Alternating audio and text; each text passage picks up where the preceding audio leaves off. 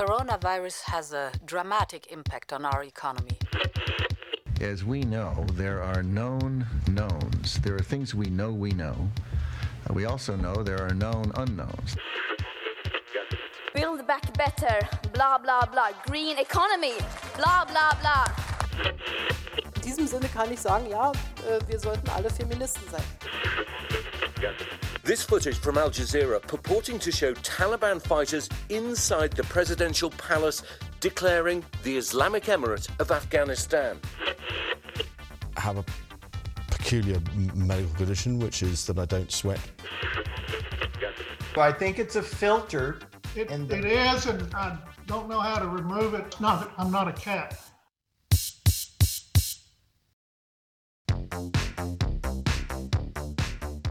Þú ert að hlusta á heimskviður Í heimskviðum er fjallað um það sem gerist ekki á Íslandi. Ég heiti Birta Bjöstóttir. og ég heiti Guðmundur Björn Þorbjörnsson.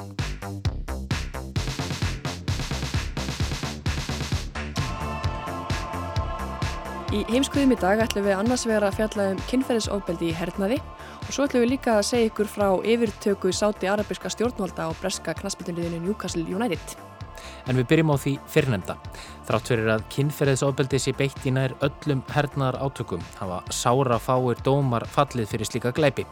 Kristína Lamb, yfirmaður erlendra frétta hjá Sunday Times, hefur ferðast um allan heim og heyrt frásagnir þessara kvenna. Hún segir að lítið sem ekkert breytist í þessum efnum fyrir en stjórnvöldum allan heim láti sig málið varða. Hinga til virðist þó alltaf eitthvað annað þykja mikilvægara. Við viljum taka það fram að í umfjölluninni hér á eftir er fjallað um kynferðisofbeldi og nöðganir. Frásagnir geta verið erfiðar áheirnar.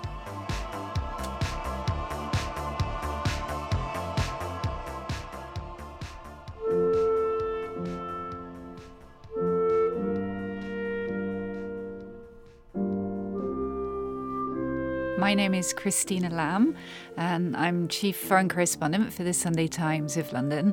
I've been a foreign correspondent for 33 years, and I also write books. Þetta hefur breska fréttakonan Kristína Lamb að segja þegar ég beðan um að segja mér aðeins af sjálfur sér. Hún situr á móti mér í útvarsljóðveri í efstaleiti, smávaksin kona með sterka og þægilega nerveru. UN Women á Íslandi heldu málþinga á fymtudag í veröld húsi Vigdísar. Heiðurskestur málþingsins var Kristína Lam. UN Women hafði sambandi aðdragandanum til að vekja aðtikli á málþinginu og heiðurskestinu. Það var í fyrsta sinn sem ég heyrði hennar getið.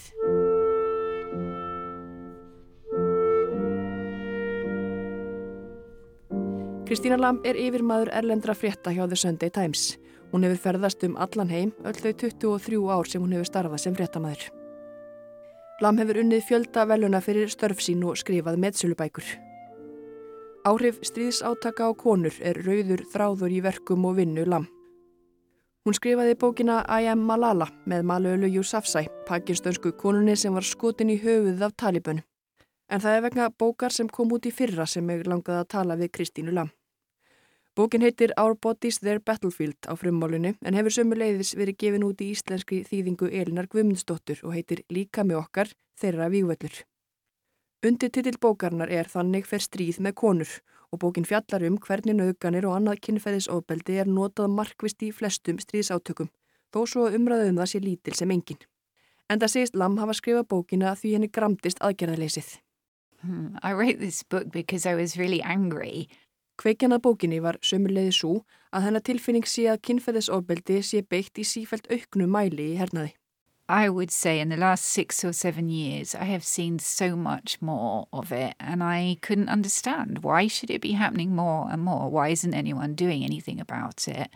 Um, and so that's what made me start researching it.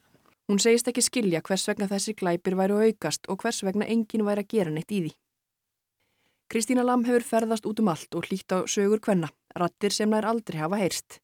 Rattir kvenna í Afganistan, í Bangladesh, í Sarajevo og Japan. Rattir kvenna sem voru ungar á tímum herfóringja harstjórnar í Argentínu. Konunnar sem upplifðu þjóðarmorðin í Rwanda. Hún segir að öllum þessum stöðum og fleiri til hafi konur haft sögur að segja af nöðgunum í hernaði. Það skiptu tögum þúsunda á hverjum stað fyrir sig. And every woman I spoke to had these stories. So these things were happening on a massive scale. You were talking of, you know, tens and thousands of women in each of these places. Um, and they were telling their stories.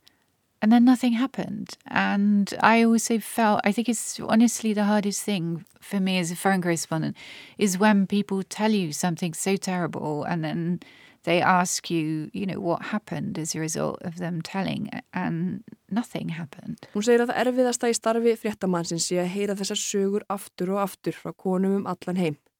Konum sem deila með henni frásögnum af hræðilegu ofbeldi sem þær hefur orðið fyrir og spyrjið síðan hvaða áhrif frásög þeirra hefur haft og svarið sér alltaf ekkert. Þetta breyti yngu, þetta er enn að gerast.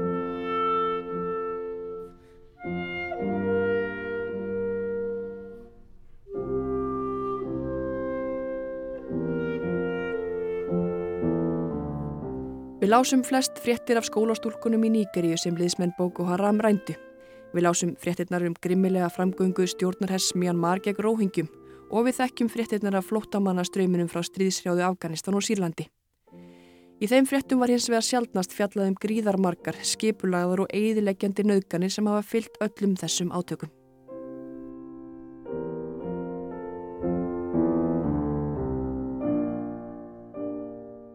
Ég segi gríðarmarkar og nefni hér dæmi þeirri orðanótkun til stuðnings. Þjóðamorðin í Rwanda árið 1994 þekkja mörg. Þau komu meðal annars við sögu í þar síðasta þætti af heimskviðu. Þessir hörmungadagar í lífi þjóðar þegar um 800.000 af þeim 8 miljónum sem í landinu byggu voru myrt á hróttalegan hátt á einugis 100 dögum. En það var fleira sem gerðist þessa 100 daga í Rwanda. Samkvæmt samantækt saminuð þjóðana voru einhver staðar á bylunu 250.000 til 500.000 konum nauðgað frá april og fram í júli í Rúanda árið 1994, samhliða þjóðamorðunum. Það eru 250 til 500 konur á dag. Í bók Lamp segir að á mörgum svæðum í landinu hafi öllum konum sem lifðu hörmungarnar af verið nauðgað.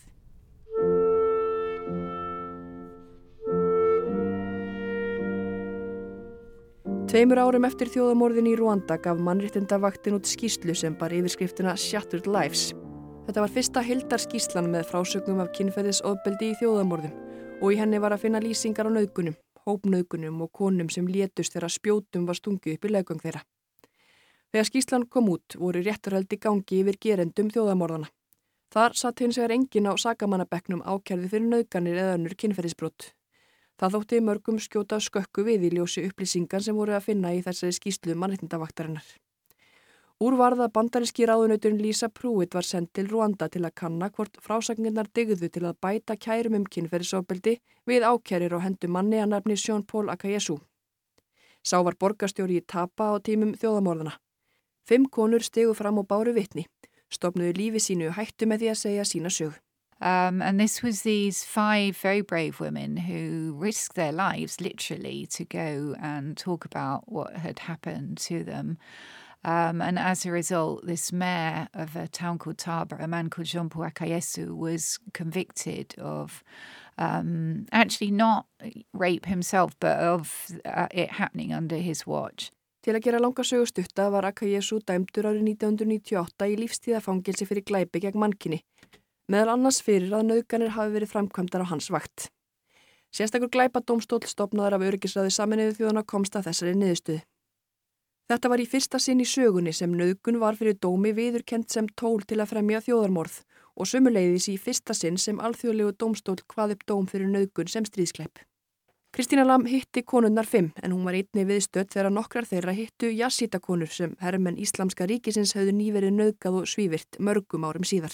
So these women who who spoke uh, thought that they and they had literally changed legal history, but they thought that it would stop. And they said to me, they just can't understand why after this uh, landmark case that it still was happening so much more. Lamp segir hinnar hugurökku konur frá Rwanda hafa fylst vonleysi yfir því að sagan væri enn að endurtaka sig þrátt fyrir að þær hefðu á sínum tíma stíðið fram og þrátt fyrir að fordami væri nú fyrir dómum fyrir stríðskleipi af þessu tægi.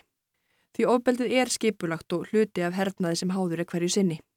Þó tala látina og særðra sé gjarnan notað sem mæli hverði á hörmungar, hefur þó skipulast kynferðsofbeldi sannlega verið getið í fréttaflutningi.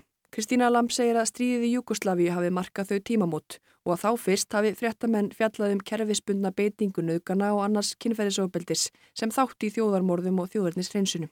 Frásagnar af nöðguna búðum þar sem konum frá aldrinum 6 ára til 70 var nöðgað vöktu eðli málsins samkvæmt aðtikli og viðbjóð. Og málaferlin í kjölfar Rúanda höfðu þau áhrif að fjöldi þeirra bosníu serba sem voru ákjærðir í kjölfar strísins voru einnig ákjærðir fyrir kynferðisofbeldi reyndar aðeins fyrir brota brota af þeim nauðgunum sem tilkynntar voru en samt. Og dómararnir í þeim málum gerðu meira, segir í bók Lamp. Dómarnir þeirra miðuðust við að líta mætti á kerfisbundna nauðganir sem pyntingar og vopn sem eigðilegðu líf. Fyrsti tímamót á dómurinn sangvað Lamp fjallaru 2001 þegar þrýr bosníu serbar voru dæmdir fyrir nauðgun, undirókun og pyntingar. En þá er það eiginlega upptalið, dómarnir sem fallið hafa hjá alþjóð og dómstólum um kynferðisofbeldi í hernaði.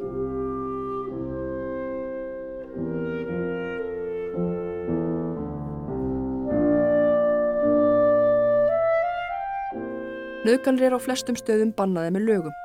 Þá hefur nauðgun og kynferðislegt ofbeldi gegn fólki verið skilgreint sem glæpur gegn mannkynni í alþjóðalögum. Samt hefur alþjóðasakamáladómstólinn í hag aldrei dæmt nokkur fyrir nauðgun í hernaði. Og engin slík mál hafa verið höfðuð til dæmis fyrir hönd Jasíta Kvenna, nýja stúlkna sem rænt var í Nýgeríu. Í bóklam beru margar frásagnir af kvundagshetjum og hugssjónafólki sem læti sig baratunum gegn kynferðisofbeldi í hernaði sig varða.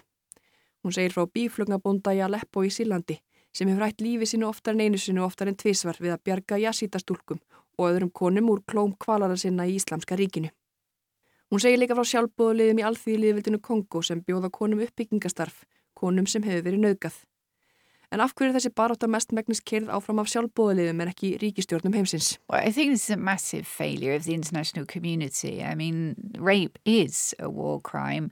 Um, more than 20 years ago, every member nation of the United Nations voted a resolution 1825, which was calling on the reduction of the use of sexual violence in war and that something be done about it, and that there be, and the two things I think are related, that there be more female participation in peacekeeping, in uh, peace negotiations. Lam segir alþjóðasamfélagi verið að gera gríðarlega mistök með því að láta sér málið svo lítið varða. Nauðgun sé stríðskleipur. Öll aðeldaríki saminuð þjóðana skrifu undir ákall fyrir 20 árum síðan. Markmiði var að draga úr kynferðisgleipum í hernaði. Einleið til þess átti að vera að auka hlut hvenna í fríðarviðræðum og fríðargeslu. Á þessum 20 árum hafi hins vegar sáralíti batnað. Einungisum 5% fríðargeslu liða eru kvenkins og kynferðisofbeldi er nú enn útbreytari í hernaði en það var fyrir 20 árum að mati lam. And, you know, frankly, in those 20 years, almost nothing's been done. About 5% of peacekeepers are, are female, which is a tiny fraction. Um, and the, the situation in terms of sexual violence, I think, is worse than when that resolution was, was passed. Þar sem eru þólendur, það eru alltaf gerendur. Lamp segir ástæðir þess að menn langoftast geta framkvæmt slíkt ofbeldi í hernaða tilgangi, lítið hafi verið rannsakað. Hún hafi margóft hugsaði gerð bókarnar hvað geta gerendur mögulega fengið út úr því að binda öskrandi konu við banatri og hópnöðgani svo fyrir framann börnirinnar. Hún hafi skilið enn minna þegar hún heimsótti spítala í Kongo, þar lág inni sex mánada gömul stúlka sem hafði verið nöðgað. You know, you start to uh, think I mean, what kind of enjoyment could somebody get from tying a screaming woman to a banana tree and gang raping her in front of a baby? And, you know, I'm in Congo, I, I in the hospital there, a six month old baby had been raped. Um, what it's just unimaginable. So it it does, of course, make you start to to question: um, Is there something latent in in men that in these free for all situations that somehow they would do this? Um, Lamp segir að það þurfi sannarlega að skrifa aðra bók út frá sjónarhóli gerenda. Það sé kannski verk fyrir Karlmann. Henni hafi sjálfur ekki gengið vel að fá gerendur til að tala við sig um vandamálið. Tilgangur kynferðisofbeldis í stríði er markþættur að niðurlæga og brjóta niður andstæðingin með öllum tiltækum ráðum eða til að reyna útrýma ákveðnum þjóðflokkum. Í bókinni líka með okkar þeirra vývöldur segir Lampa kerfisbundnar og skipulaða nöðganir í ýmsum tilgangi eigi sér mjög langa sögu. Þannig segir rómerski sagfræðingurinn Livius frá því að Rómúlus, stopnandi Rómar, hafi lagt á ráðin um að ræna konum nákvæmna eittbálksins til nýtingar þar sem það vantaði tilfinnarlega konur í Róm. Þetta var sko áttundu öld fyrir Krist svo það eru nokkur ár síðan. Some people will say, oh, well, there's always been rape in war. We go back to the ancient Greeks and Romans and Persians. And of course, that's true. But that doesn't make it okay that in 2021 this is still happening on such a scale. Lamp segir að þó að sagan sé sannarlega stútfull af sögum af kynferðisofbeldi í hernaði. Réttlætið ekki að það sama sé ennubótteiningum árið 2021 í svo miklu mæli sem raunber vitni. Öðru hverju ratar þetta málefni inn á ratar fjölmila. Heimsbyðin fyldist með örlögum skólastúlkana í Níkerju sem liðsmenn Boko Haram rændu í skjóli nætur. Millumerkið Bring Back Our Girls var notað um allan heim. Michelle Obama, þáverandi fósettefrú bandaríkjana og miklu fleiri ráðamenn og þekktir einstaklingar lögðu málumnu rödd sína. En samt var lítið gert. Bandaríkjastjórn hétt liði veslu til að finna stelpunar. En þegar þær sáust á drónamyndum í Sambísa skóginum vikum saman, strandaði á hernaðaraðstóð frá erlendum ríkjum til að frelsa stúlkunar.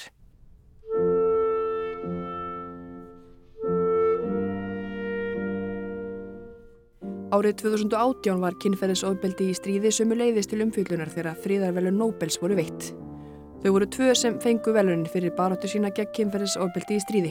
Annars vegar Nadia Murad sem var árið 2014 nefti í kynlífs ánöði í Írak af hermönum Íslamska ríkisins eins og þúsundir annara jasíta hvenna. Hinn velunahafin heitir Dennis Mukwege. Hann hefur helgað lífsitt ummönun hvenna sem lifa af kynferðisofbeldi. Það gerir hann í óþökk stjórnvalda í heimalandinu Alþýðliðveldinu Kongo. Landi sem í skýslu saminuður þjóðana frá árnu 2010 var kallað nöðgunar höfuborg heimsins. Eitt þúsund konum er nöðgað þar á degi hverjum. Það er um 40 konur bara á meðan þessi útastáttur er í loftinu. En síðan þá hefur lítið verið fjallað um ástandi þar þó að Mukwege mæti í vinnuna á degi hverjum en hafi fyrir lungu sendt fjölskyldinu sína á landi vegna stöðugra hótana stjórnvalda í Kongo vegna vinnu hans og gaggrinni á aðgerraleysi hæstráðenda. Þó Mukwege geti læknað líkamleg sár er réttlæti fyrir domstólum ekki alveg innan seilingar fyrir konur í Kongo. Eins og Lamb bendir á, þegar aðeins 3% nöðkunar ákjæra í Breitlandi enda með dómi yfir geranda, hvernig ímyndar fólk sé þá að möguleikarnir séu fyrir þólendur nöðkunar í líðveldinu Kongo, þar sem ofbeldismennir eru þeir sem eru við stjórnvölin í landinu.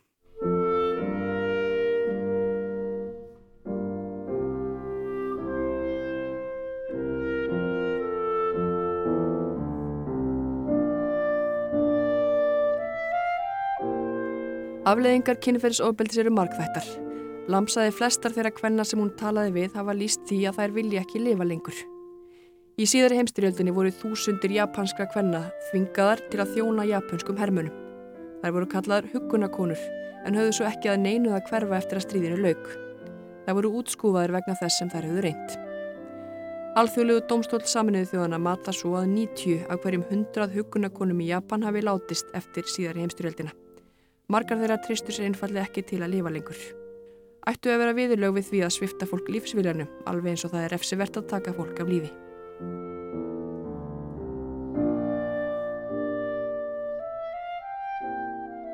Lamp segir að lítið sem ekkert muni breytast fyrir en stjórnvöldum heimallan seti málið í forgang.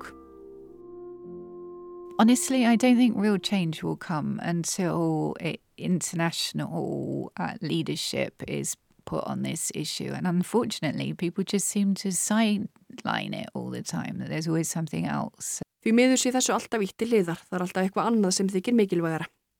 Þau sem muna ekki eftir fortíðinni eru dæmt til að endurtakana, eru orð sem eignu eru spænsk-bandariska heimsbyggingnum og rítumundunum George Santayana.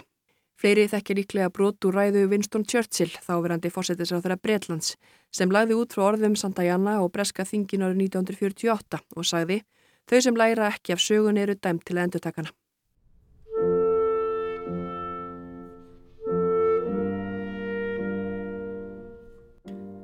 Hörmungar síðari heimstyrjaldarinnar eru tíundaðir í sögubókum, réttilega. Þar læru við hins vegar lítið um þá staðrind að á loka dögum stríðsins, þegar Rauði herrin náði smám saman meiri hluta Berlinar á valdsitt, naukuðu hermenn Rauðahersins hundruðum þúsunda þýskra kvenna. Talið er næstum þriðju hverju konu í Berlín hafi verið nauðgað. Í því sem sakfræðingun Antoni Bívor lísti síðast sem umfangsmestu fjöldanauðgunum í gjörvallri mannkinssugunni. Það er svo lítil stemning fyrir því að halda þessum hluta söguna til haga að Vladimir Putin, fósetti í Rúslands, staðfesti árið 2014 lög sem hveða á um að sektir eða alltaf 5 ára fangilsisvist gæti varðaði við því að kasta rýrð á framgöngu rússa í síðari heimstyrjöldinni. En það er sagan enna endur taka sig. Lamp lýsir því sem er að gerast viða í heiminum á meðan við tvær sittum í róliheitum og öryggi inn í hljóð einangruðu hljóðveri hér í afstæðleitinu.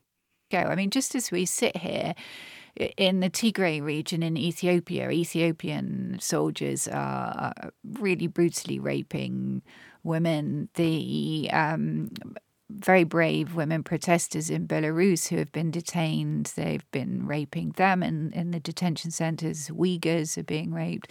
Afghan women are being abducted by the Taliban. And um, and so, you know, it, it's, it's happening in so many different places. And the fact that there is this impunity means that people just think that they can get away with it. So it's happening in more and more places until someone actually does something. Á meðan við sitjum hér eru herrmenn í Eþjópíu að nöðga konum í tígra héræði. Kvenkins mótmælendum í Kvítarúslandi er haldið föngum og þeim nöðgað í varðhaldi og talibanar nýðast á konum í Afganistan. Þetta er að gerast út um allt og þegar afleðingarna verða aldrei neinar fyrir gerendur heldur ofbeldið áfram.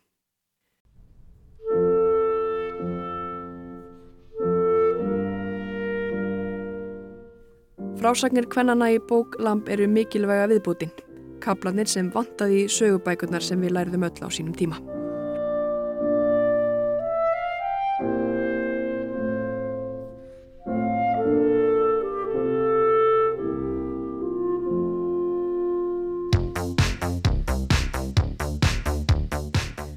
En þá yfir í allt annað. Hvað er að Sáti Arabíja og enska borgin Newcastle sameiginlegt? Við fyrstu sín ekki mikill, en það hefur breyst síðustu daga eftir að ljóst var að fjárfestingarsjóður í eigu Sáti-Arabíu er norðin meiri hluta eigandi í knaspunuliðinu Newcastle United. Aðdragandi þessara kaupa tegi sig inn í dýfstu afkíma alþjóðastjórnmála. Ímyndaði þér tilfinninguna. Þú hefur haldið með einu ákveðnu fótbolltaleiði alla æfi. Ár eftir ár kaupuru ársmiða á alla heimaleikina og ferðast 100 kílometra í útileiki og jafnvel til útlanda til að horfa á liðið þitt speila. Liðið sem hefur allan þennan tíma, alla þína hunds og kattar tíð ekki getað neitt. Allaveg ekki unnið neina titla þótt inn á milli í það góða spretti. En þrátt fyrir vonbreyðin elskar ekkert heitar. Fótbolti er vinsælasta íþrótt heims og þau sem það þekkja á eigin skinni vita að liðið sem þú heldur með getur vel umfaðmað gerfallan veruleika mannsins frá morni til kvölds og frá vöggu til gravar. Þessi drif kraftur tilvistarinnar eins og fótbolltalið eru í tilfelli margra skeitir engum rög eða skinnsemi. Þvert á móti getur fótbolltaliðið og eftirfyldin við það svift mann skinseminni og jafnvel helsunni líka. Þannig bleið ekki svo einfalt að hætta þessu bara ef illa gengur. Rannsóknir hafa sínt að stuðningur við fótballtalið er ekki svo frábriðin því að aðhyllast trúarbröð eða tengjast einhverjum nánum tilfinningaböndum svo sem fjölskyldu eða vini. Við glötum ekki trúni svo öðvöldlega eða rjúfum tengslinn við einhvern nákominn. Og rétt eins og þá þarf ansi mikið að gerast til að gallharður stöðningsmaður láti af sinni trú og fylgispekt við forgöngumannin í lífinu, fótballtaliðið. En eru hotlustu okkar einhver takmörk sett? Fækkar katholikum þegar enn einn fréttin af barnaníði kirkjunar þjóna berst? Fækkar meðlimum stjórnmálaflokks þegar upp kemst að formaðurinn á egnir í skattaskjóli? Fækkar stuðningsmönnum enska knatsbynnuliðsins Newcastle United þegar þeir átta sig á því að nýr eigandi liðsins er innræðiseríki sem kúar konur, halsækur, dæmda trúvillinga og myrðir pólitiska andstæðinga með koldu blóði, jafnvel þótt er séu í öðru landi. Eða er það manninum eðlislegt að þegar grút skítug, já alveg hreint grút skítug hjálpar höndin berst í svartasta myrkrinu að þá grípu við í hann.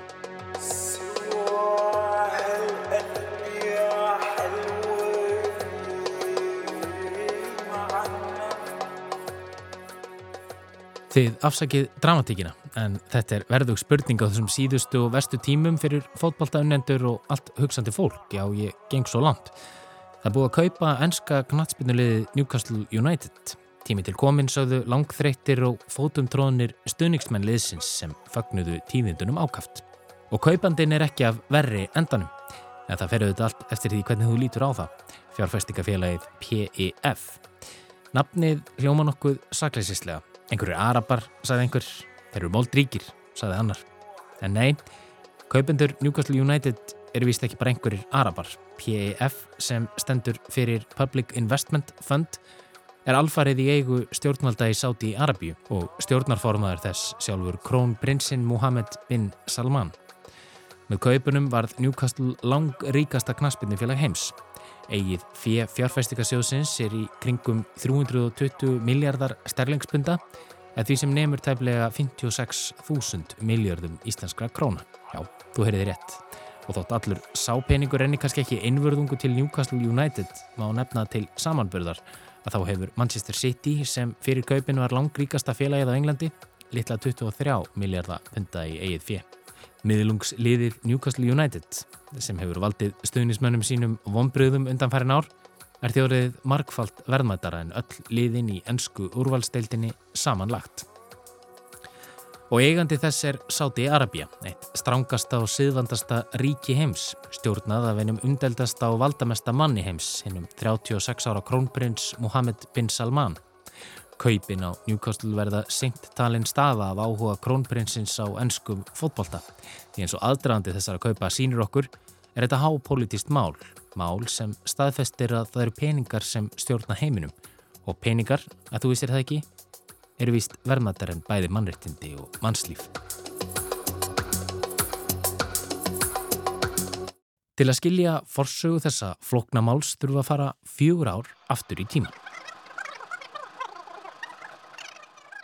Árið 2017 kastaðist í kekki millir hins vellauðuga konungsiríkis Sáti Arabíu, stærsta ríkis miðausturlanda og smáríkisins Katar, fyrsta dæmis sem skagar út í vestanverðan Persaflóa út frá Arabíuskaga. Katar á einungis landamæri að Sáti Arabíu og eðlimálsins samkvæmt reyðir Katar sig því töluvert á viðskipti við stórabróður. Í júni 2017 brúðu stjórnvöldi Sáti Arabíu á það ráð að loka landamærinum við Katar og ásamt saminuð arabísku fyrstadæminum, Bahrein og Egiptalandi að skera á öll viðskipta tengsl við landið, segjum og að banna katurum að nýta lofthelgi þessara ríkja og sjóleðir. Þar hófst milliríkja deila sem leistist ekki í tæp fjögur ár eða fyrir í janúar á þessu ári. Sátar sögðu ástæðuna fyrir þessum harkalegu aðgerðum vera þá að stjórnveldi Katar hefðu brotið gegn sáttmála Persaflóa samstagsráðsins GCC sem hveður á um að aðildaríkin stiði ekki við hriðiverka starfsemi af neinu tægi. Árin á undan hefðu stjórnveldi Katar stutt stjórnmálasandikinn Bræðralag Muslima og Hamas víða á menasvæðinu svo kallaða í miðausturlöndum og Norður Afriku sem og sveitir rótækra islamista í Líbíu. Í april 2017 hafðu Katarar svo áhrif á deilur vopnara fylkinga síta og sunnita í Írak og Sýrlandi. Þeir greitu sítunum háar fjárhæðir til að láta af höndum 26 katarska gísla og sunnitum fyrir að heimila veitingu mannúðarastóðar á átakasvæðinu. En þetta var ekki ókipis. Samkvæmt úttækt Financial Times greitu stjórnveldi Katar vopniðum fylkingum síta í Írak yfir 700 miljónir bandarækjadólara og um 200 miljónir dollara til sunnita. Þessu tóku stjórnvöldi Sáti Arabíu ekki af léttúð. Katarar höfðu þar með gerst brotlegir við fyrirnemt samkómalagað þeirra mati. Í mæ, sama ár, mánuði áður en Sátar slitu allt samband við Katara, sóttu Donald Trump, þáverandi bandarækjafósetti Sáti Arabíu heim. Þar lísti hann yfir afdráttarlausum stuðningi við Sáta í baráttinu gegn Íran og bræðarlagi muslima. Stuðningur Trump skerði það verkum að önnu ríki, þar sem sunnitar eru í meiri hluta, fylgdu sátum að máli og tóku afstöðu gegn Katar. Skilabóðin til annara ríkja á Persaflóa voru nefnilega skýr. Ef þið kássist upp á sáti Arabíu, fyrir fyrir ykkur eins og Katar og þið sætið samskonar útskúfun. Viðskiptabanniði Katar hafði markáttuð áhrif á samgöngur til og frá landinu, bæði á sjó og landi.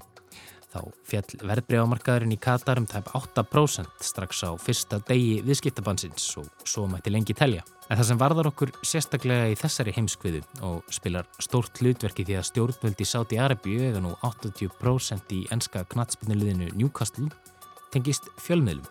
Nánar tildekið sjámarpstöðinni Bein Sports. Welcome to the new era.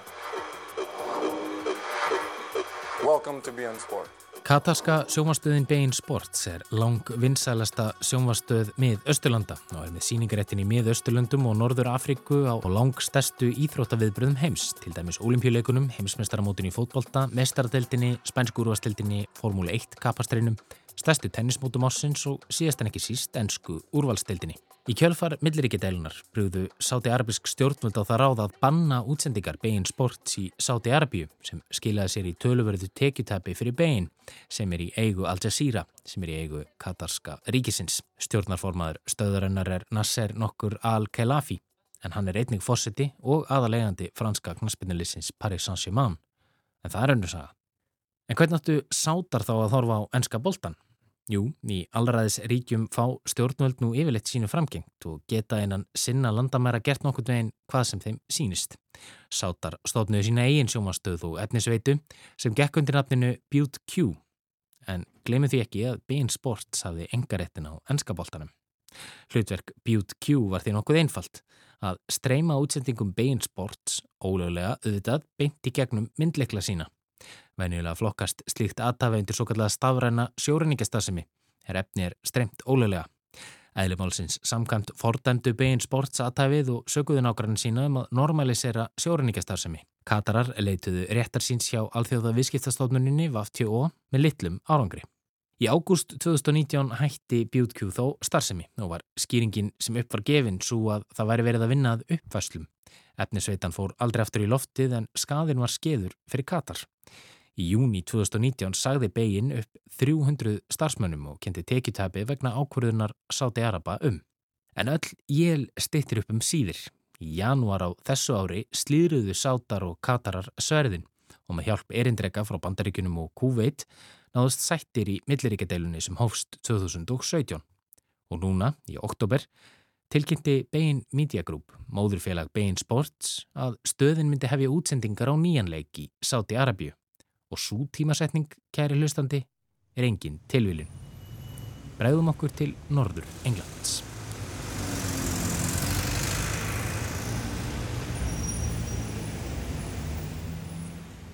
Borgin Newcastle liggur við árbakka Tænár á norðaustur Englandi og er fyrrum höfuðborg Norðimbralands sem á landamæri að Skotlandi. Í Newcastle er kall og borgin er verkamannaborg. Á 19. öld spilaði hún stórt hlutverk í innbyltingunni og var leiðandi í kólavinnslu og skipasmíði. Þar búa tæplega 300.000 manns, litlu færri en á Íslandi. Sómi Newcastle Sverðess og Skjöldur hefur alltaf tíð verið knaspinnulegði Newcastle United sem var stopnaður árið 1892 og hefur orðið englandsmeistari fjórum sinnum, síðast þó árið 1927.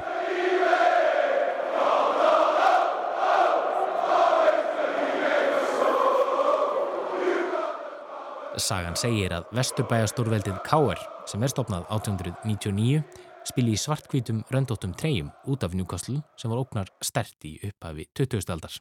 Eftir mögur ára á nýjunda áratug síðustu aldar komst liðið upp í ennsku úrvalsteildina 1993 sem þá var ný stopnuð. Á fyrsta ári sín í deildinni kom liðið rækilega óvart og hafnaði þriðjasætti deildarinnar undir stjórn Kevin Keegan en liðið þótti leika liftrandi sóknarbólta og gengur leikmenn liðsins undir gælunafninu Skemmtikraftanir. Árin 1996 og 1997 hafnaði liðið í öðru sæti deildarinnar og státa af leikmannum á borðið Les Ferdinand David Ginola og Alan Shearer sem var kiftur fyrir met fjö í júli 1996 og var þá eitt besti framherri heims.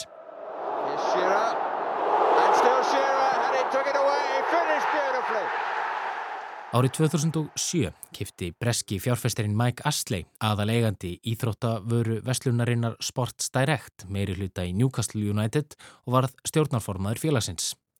Hann tók félagið af hlutabræðamarkaði og eftir dræmt gengi árið eftir var Astley harlega gaggrindur af stuðningsmönnum fyrir að lækja ekki nægilega mikinn pening inn í félagið. Meðalmennska varð enginni Newcastle United sem hefur tvísasinnum fallið um deilt í tíð Mike Astley og skipt ört um knaspinnistjóra. Síðustu ár hefur Astley reynd að selja liðið, stuðningsmenn hafa leið á bænum að fjársterkur og metnaðarfullur kaupandi kæmi eins og stormsveipurinn í líf njúkoslibúa og fariði liðið aftur upp í hæstu hæðir.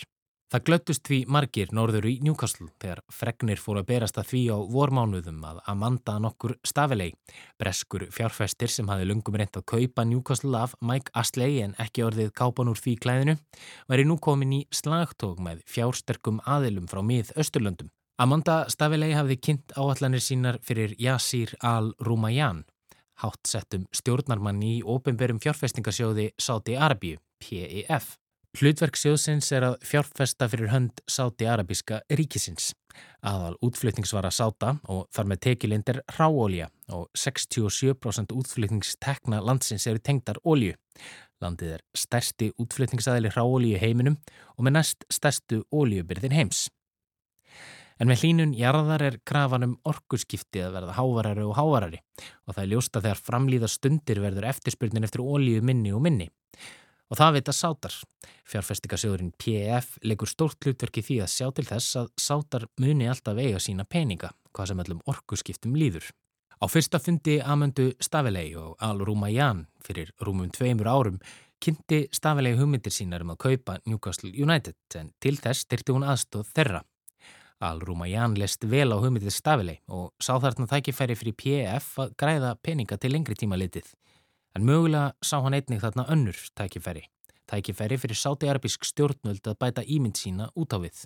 Við vikim betur að því síðar hversakna það kann að hljóma góð hugmynd en hugtakið sportswashing eða íþrótta þvottur er það sem kemur óneintilega upp í hugan hér. All kannust við við hvít þvottin góða sem þýðir í raunum að þeir sé að hreinsa orðspórsitt. Hugtakið bleikþvottur hefur einnig skotu upp kollinum á síðustu árum þegar stopnarnir fyrirtæki og pel heilu þjóðríkin reynað upphefja málefni samkynniðra til að draga aðteglina frá því að viðkomandi hafi nú kannski ekkit alltaf verið nýtt sérstaklega góður við samkynniða. Íþróttaþvottur gegnir sama hlutverki. Þú kaupir íþróttalið eða lýsir yfir stöðningi við íþróttafólk til þess að draga aðteglina frá sjálfum þér. Og nú verðast þjóðríki verið að fara að gera einmitt það.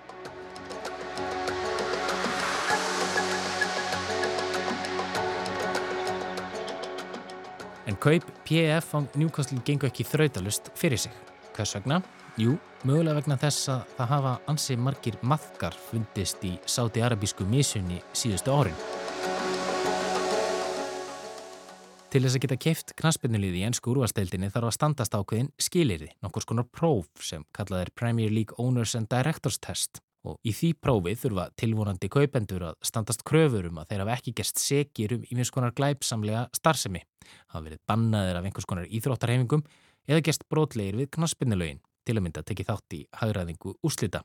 PF gerði rúmlega 300 miljóna bynda tilbóð í Newcastle í april í fyrra og þann 14. april bast það tilbóðin á borð stjórnar ennsku úrvalstildarinnar.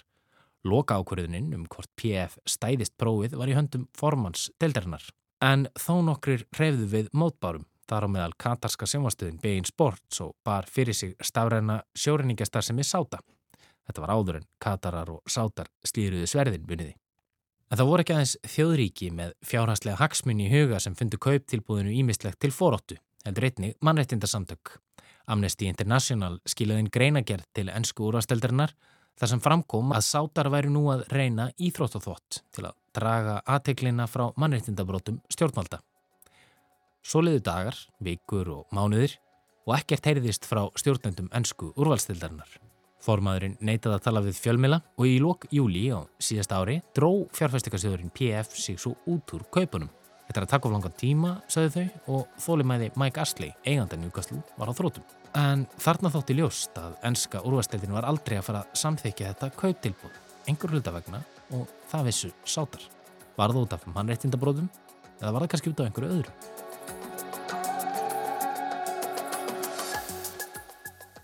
Enski miðlinn Daily Mail greindi svo frá því að þegar sátar vissu þetta var þeim ljóst að þeir þyrta að beita öðrum aðferðum til að fá kaupin í gegn. Þann 27. júni í fyrra fekk Boris Johnson fórsettisar á þeirra Bretlands skilabóð. Sendandinn var Mohammed bin Salman, krónprins og ríkisarfi Sáti Arabíu. Við gerum ráð fyrir því að enska úrvalstildin endur skoði ákverðun sína og leiðrætti þessa röngu niðurstöðu.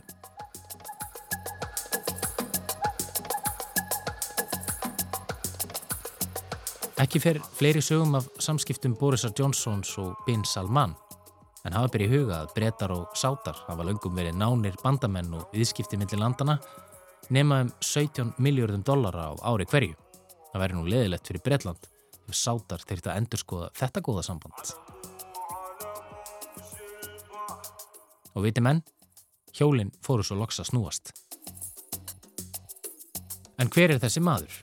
Mohammed bin Salman. Sáti-Arabia er sérstatt land, fort menningaríki þar sem trúabröðin Íslam fættust þegar Múhameð spámaður varð uppi á sjöndöld. Þar eru helgustu borgir muslima, Mekka og Medina. Árið 1932 varð konungsrikið Sáti-Arabia stopnað af Abdul Aziz bin Saad og hefur síðan þá fjölskylda hans farið með allraðisvald í landinu. Ættar veldi sem við hefur stranga tólkun á Íslam eða svo kallaðan Wahhabisma sem er íhaldsum hugmyndafræðinan sunni Íslam og rætur sínar að reykja til átjóndaldar. Samkvæmt Wahhabisma eiga muslimar að sverja hotlustöðið við veraldlegan leðtóðsinn sem á móti gerir kröfum algjör og hotlustu og hlýðinni sinna þegna, svo lengi sem hann stjórnar eftir lögum Guðs. Til að ganga úr skuggaðum að samfélagi fylgi þessu er eins konar trúar laurugla starfrækt í Sáti-Arabíu sem gengur í skuggaðum að kenningar Wahhabisma séu í heðri hafðar. Það er fela meðalannars í sér fimmferðir á dag í Mosku og gæta þurfi að almennu siðgæði. Tónlist má ekki spila á hátt, engin má reykja eða drekka áfengi. Hár karla má ekki vera úr sítt og hár kvenna má ekki sjást. Þá eru dauðarefsingar tíðar í Sáti-Arabíu og hættir að vera dæmtur til dauða fyrir eitt og annað, ekki aðeins fyrir að fremja morð, heldur reyting fyrir að fremja nögun, vopnarán, fíknefnabrót, framhjáhald, fyrir að vera samkynneður og síðast en ekki síst trúvillu. Frá 2007 til 2010 voru að mistakosti 345 einstaklingar teknir af lífi í Sáti-Arabíu af stjórnvöldum. Allir hinn að dæmdu voru hálsögnir ofinbarlega.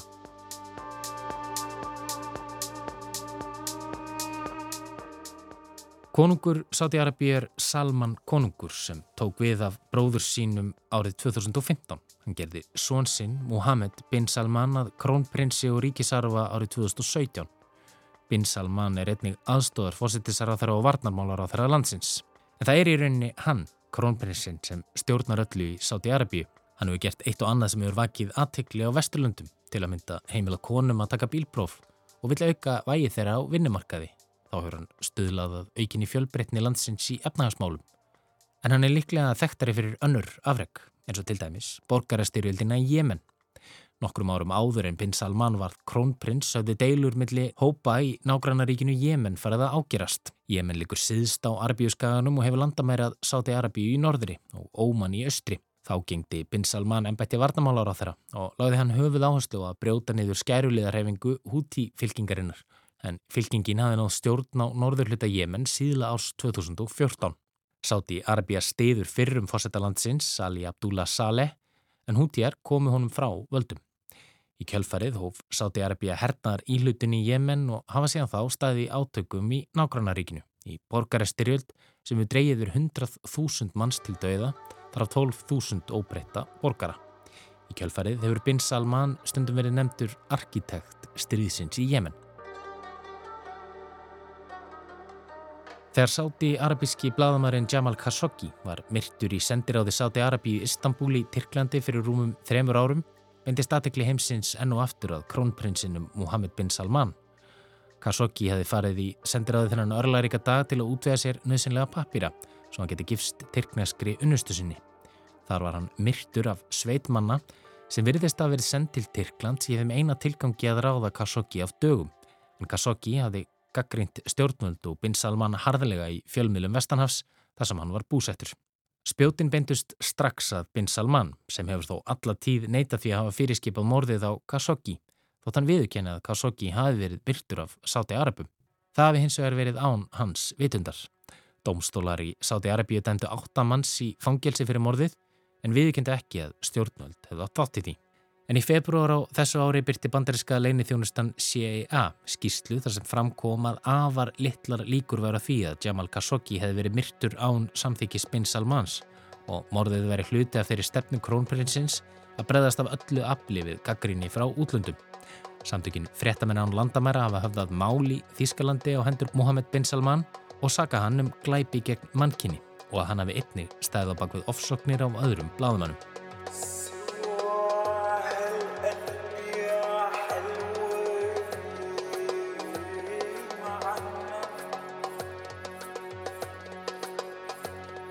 Mohammed bin Salman er stjórnarformaður PEF sem nú á 80% hlut í enska úrvalsteldaliðinu Newcastle United. Kaupin gengur nefnilega endingu í gegn þann 7.